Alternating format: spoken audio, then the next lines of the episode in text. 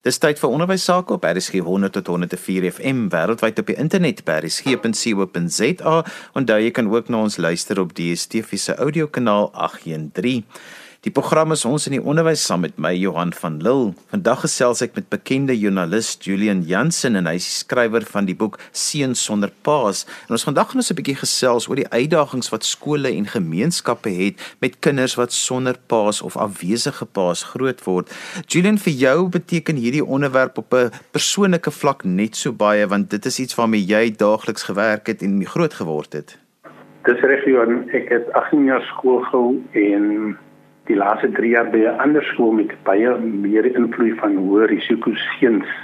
Ek het daar genoem jong leeu's met ontblote naels was vir my die mees vrugbare en oorspronklikende tyd in my eie lewe want daar het ons die die katolistiese plek gehad in my Bybel horings geneem en met hy seuns gewerk.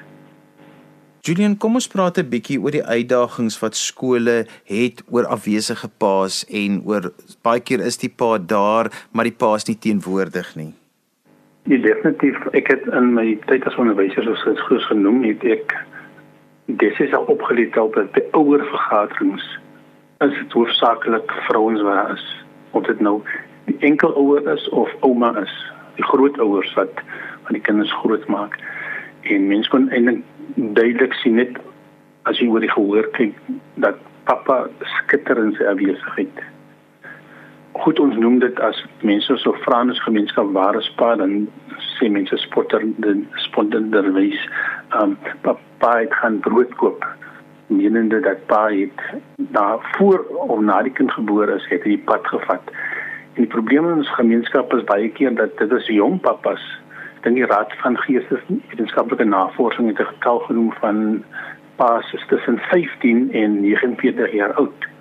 So tieners van swangerskap speel 'n baie groot rol ook as brein bedraande faktor dat ons so baie jong papas kry en baie van die jong paas is nog nie eens uh, ten volle in die in die ontwikkelingsfase van van jong seun na adolescent adolescent na volwasse man nie en sit hy met hierdie bykomende verantwoordelikhede.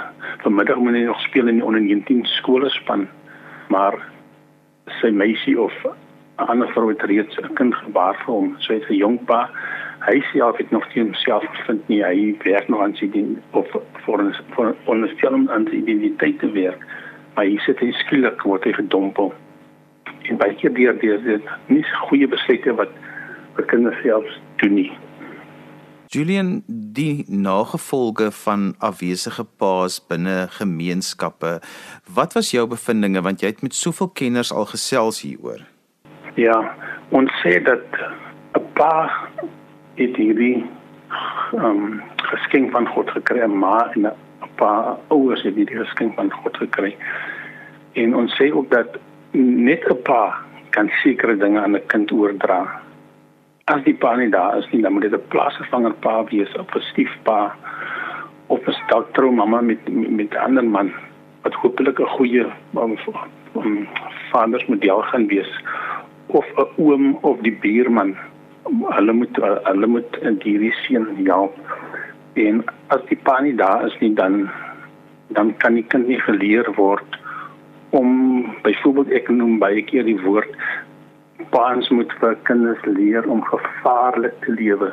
Soos ons op die Kaapse vlakte sê gevaarlik te lewe. En daarmee bedoel ek nie riskante gedrag nie. Ek bedoel daarmee en ek het getoets en ek het ervaar in die skool jy gee vir 'n kind 'n wildernis ervaring dit is wat pappas moet doen in die huis. Neem die kind die berge in.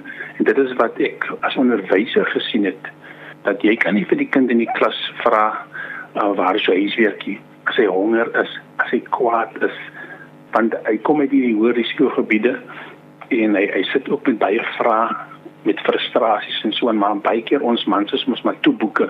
Soos toeboeke waarmee jy werk. So jy, as jy die kind gekonfronteer direk met waar is jou huiswerk dan gaan hy aggressief wees want hy weet nie hoe om te tree nie. So en ek en ek weet dat onderwysers ons destyds en vandag nog steeds sit met 'n geweldige hoë administratiewe las. En dit is 'n uitdaging vir die onderwys en onderwysowerhede maar ook vir die skole en vir al die hoofde skoolbestuurders dat hoe gaan ons maak dat ons onderwysers kwaliteit tyd kan gee aan kinders? En ek het geleer in my skool skool daar dat as jy nie die kind se hart kan wen nie, as jy nie hom kan sê luister, kom ons gaan op avontuur of kom ons doen dit en daai nie, as jy nie van die kind se hart kan wen nie, dan kan jy nie, nie dit kan bereik met maak nie saak wat die fuck jy voel onderrig nie. En ons het dit gesien, ons het die kinders berge toe geneem, ons het gesê jy kan sterf in die berge as jy nie besekerde reëls hou nie. En die kinders leer verskeie baie waardes in hy uh twee drie drie dae wat hulle kan toepas in hulle persoonlike lewe. Julian, jy maak baie spesifiek melding dat seuns 'n vaderfiguur nodig het wat as 'n mentor kan optree en jy het dit sopas nou ook weer genoem die skole het so sterk fokus om kurrikulum af te lewer om kinders wat kurrikulum betref so te maak dat hulle matriek kan deurkom en met wat kurrikulum betref te versorg. Maar as jy met enige onderwyser praat wat al vir jare in gemeenskappe werk dan noem hulle presies dieselfde probleem dat dit eintlik hierdie stil probleem in gemeenskappe is dat daar so groot gebrek is aan figure wat mentors kan wees en wat vaderfigure vir kinders kan wees definitief ja. Ek ek sien die rol van die skoolbestuurders as kardinaal. Ek by baie skole het 'n het 'n skoolbestuurder twee adjunkte en en die een kan as uh, 'n pligte kan wees akademies en ander sinne kan wees administratief. Maak die skole se hande bietjie los maar 'n skoolhoof moet saam met die onderwysers moet hy moet basies gaan kyk in sy gemeenskap en onthou dit is nie net die ouers se plig om die kind op te voed nie maar ook ek ek is baie op dit op uh dat Afrika gesegde wat sê it takes a village to raise one child. En ons moet terugkom na daai konsep toe van my kind moet opgevoed word nie deur myself en my vrou nie maar ook deur die skool wat 'n kardinale rol speel want jy's onderwyser het hoeveel uur per dag toegang tot tot daai kind. En dan is daar sports uh, klubs en dan is daar organisasies en ek kan ek kan getuig uit my eie lewe met afwesige pa wat emosioneel afwesig was. Was dit nie dat ek aan sport deelgeneem het nie en my mentors daar gevind het nie kon my lewe so maklik ontspoor het kon ek ook 'n skoolie geword het en ook deel van die statistieke geword het. En sou dit geword het met watter uh, huisgesin sit ek eendag watter voorbeeld gaan ek wees vir die volgende geslag So skole het 'n belangrike rol en as onderwysers en ek seker daar's baie onderwysers wat insien, maar as jy sê en ek ek weet dit my eie seun is 'n onderwyser en my suster was onderwyser en baie van my vriende is hulle is te baie met die optekening van punte van persentasies van statistiek en word onderwysers soms gemeet aan hoe, hoe pragtig sy of haar uh, verslagboek is of die optekening of die punteboek. Ons weet in die ou dae as as inspekteur kom, dan is daai hele skool spiek en span want alles blink en so aan.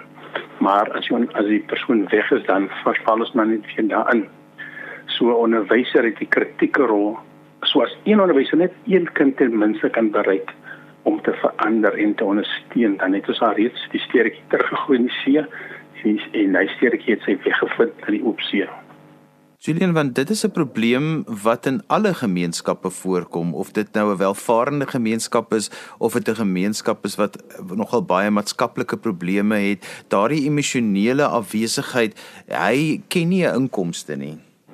Definitief ja. Ja, ek baie baie dankie dat jy dit ook noem. Dit is so dat dit in alle gemeenskappe voorkom en dalk kan jou ryker gemeenskappe dit miskien net baie beter bestuur om vir die kinders ondersteuning te gee uh, want hulle het die geld daarvoor maar die ander kant van die muntstuk is dat in jou arm gemeenskappe vra, vra jouself die vraag is hoeveel positiewe uh, rolmodelle is kan daar in, in, in sommige buurte wees as die kind omring word deur deur uh, ek ons gebruik altyd die woord uh, daar's 'n toksiese verhoudings in die in die gemeenskap, 'n toksiese omgewing.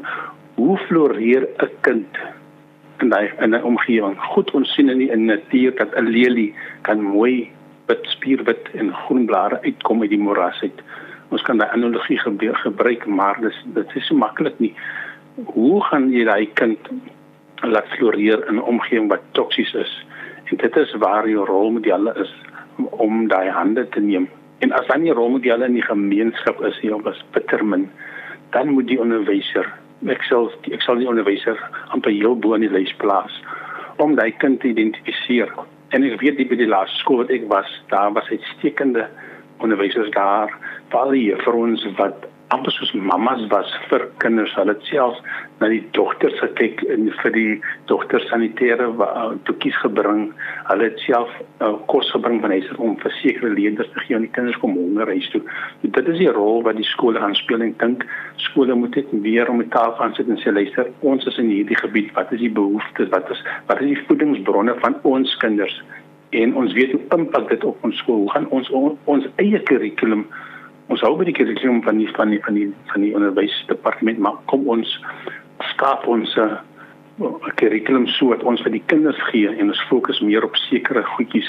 So ek het destyds dit is op 'n skool gewerk wat sy missie en visie net weer uh, her herbekyk revisit. En toe ons daar klaar met die missie en visie het ons 'n hernieude energie gehad en 'n nuwe fokus en so en ek dink dit is wat skole moet doen Ek gesels vandag aan ons in die onderwys met bekende joernalis Julian Jansen en ons praat 'n bietjie oor die uitdagings wat gemeenskappe en skole het oor kinders wat met afwesige paas groot word of sonder paas groot word. Maar die ander kant van die munt Julian en ons nou al lekker gepraat oor eh, met enkel ouers is dat die enkel maas het ook ongelooflike uitdagings as hulle kinders alleen moet grootmaak.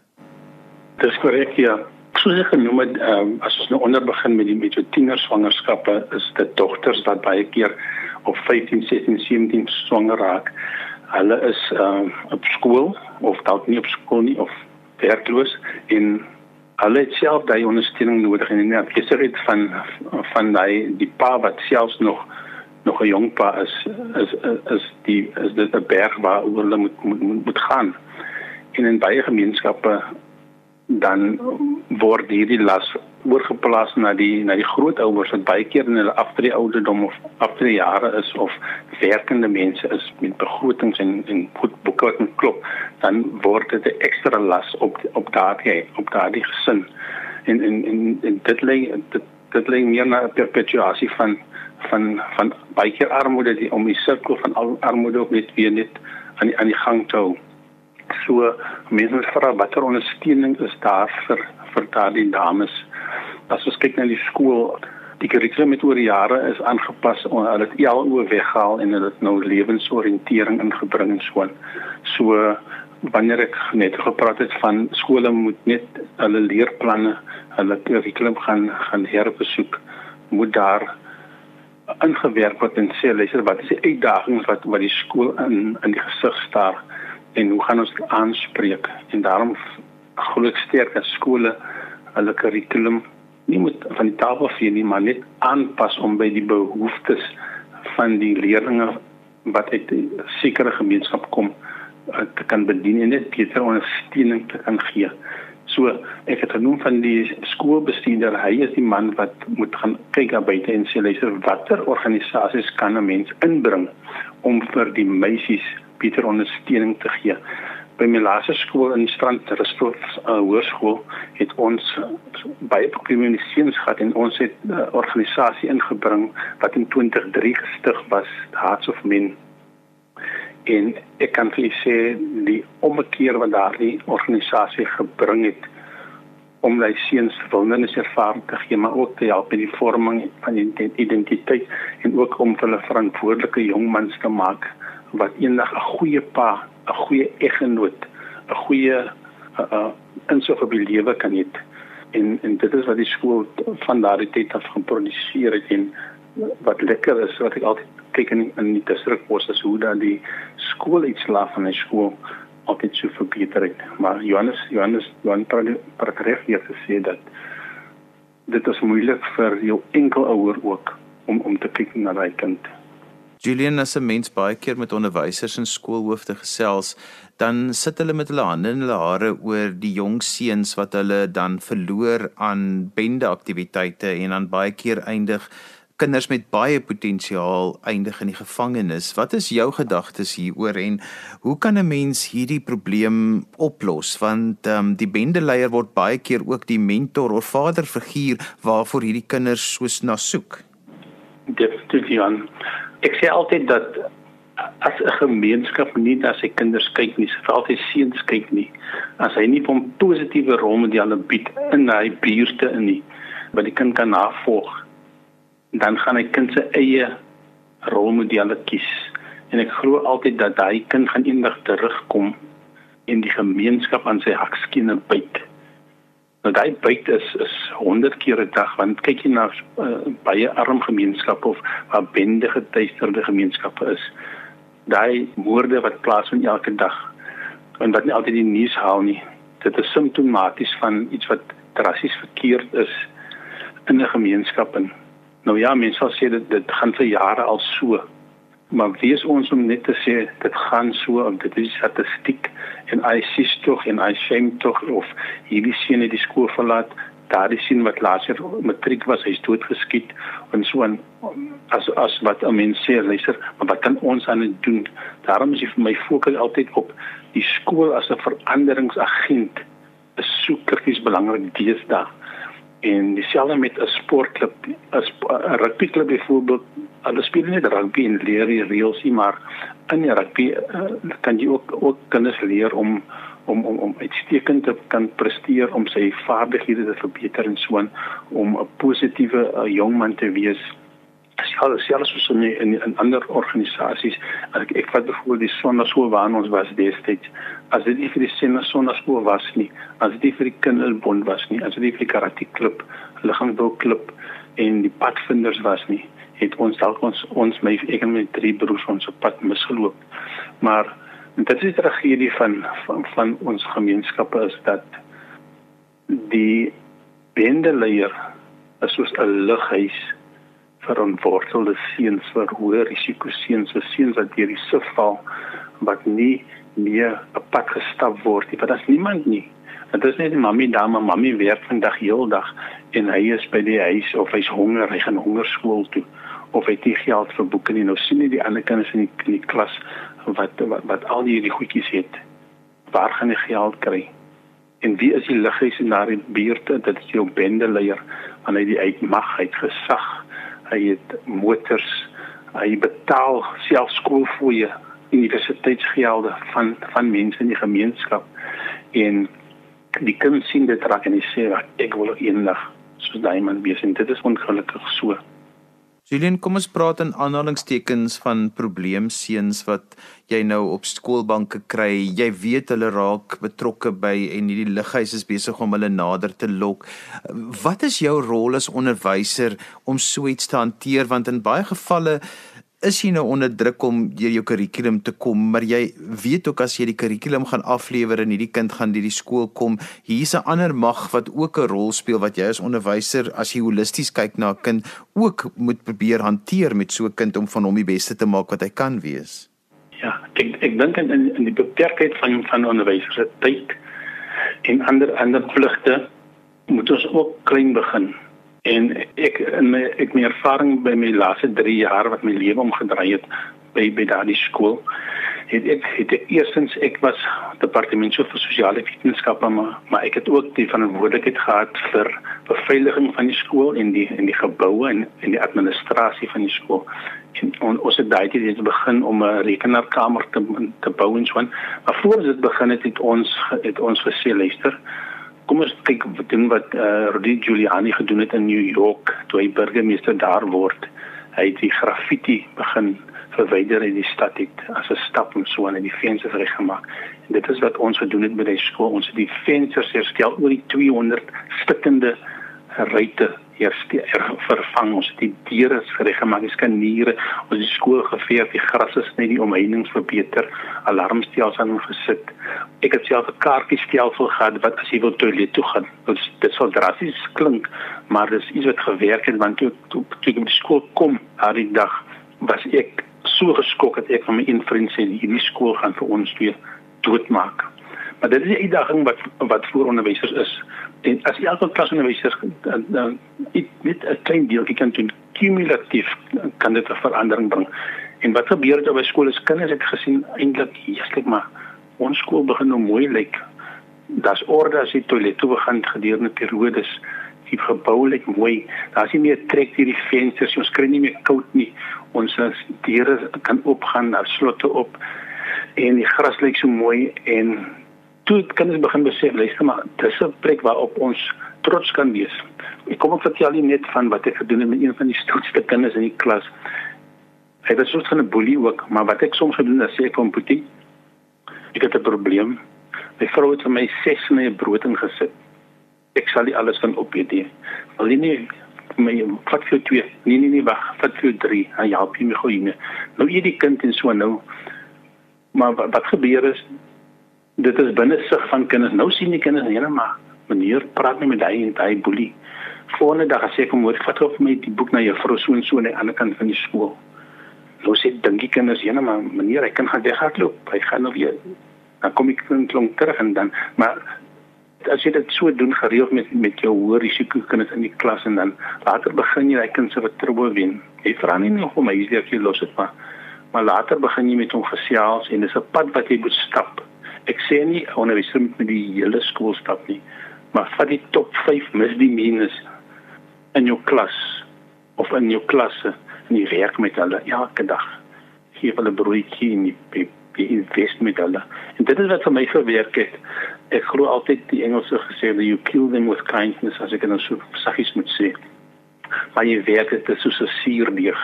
En jy sal verbaas wees as 'n mens later vir die klomp kan sê, "Hoe gaan dit by die huis?" en dan maak jy oop en dan kan jy mens daarvan werk. Julian so ten slotte jy het dit al aangeraak so bietjie jy het gesê dis maklik om 'n pa te wees maar dis baie moeilik om 'n vader te wees so wat is in jou gedagtes en jou idee van wat vaderskap behels?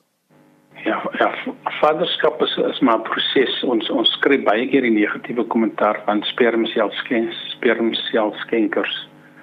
En dan enigiemand kan 'n pa word. Enige biologies werkende man kan 'n pa word.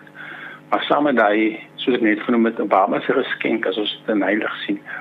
En saam met daai baba kom daar verantwoordelikheid. Nommer 1, jy moet 'n verhouding, 'n goeie verhouding met die ma van die kind hê. Nommer 1, en julle gaan as 'n team hierdie kind grootmaak. En saam met saam met uh, uh ons noem dit fathering vir fadering as die konsep wat hulle gebruik is is is is jou pligte wat jy dan as pa het om daai kind op te voed, nie net uh fisies met kos en klere nie, maar ook geestelik en op op op sielkunde op sielkundige vlak. En want daardie kinders so opgroei gaan later uh, wanneer hy by hy storm en drang jare kom van van adolessensie het jy al jare en genoeg tyd gehad om so om om om om 'n bond met 'n kind te vorm en sodat hy kind kan oopmaak teenoor jou. Dit was nie die geval in in in my lewe self nie dat ek kon nooit oopmaak nie want ons was puur op die agtervoet gewees van ons soldaatpa en ons ons kon nooit liefde uh, um, ervaar. So as vader moet jy eerstens hy liefde vir die kind gee, maar hy moet ook vir jou gee liefde en en dan dan kan ons al 'n lang pad stap. En so gesels Julian Jansen en hy is die skrywer van die boek Seuns sonder paas en ook 'n baie bekende joernalis en ook 'n oud onderwyser. As jy sopas ingeskakel het en jy het vandag se program gemis, onthou jy kan weer dan 'n luister as se pot gooi. Laat dit af by resgep.co.za. daarmee groet ek dan vir vandag tot volgende week van my Johan van Lille. Totsiens.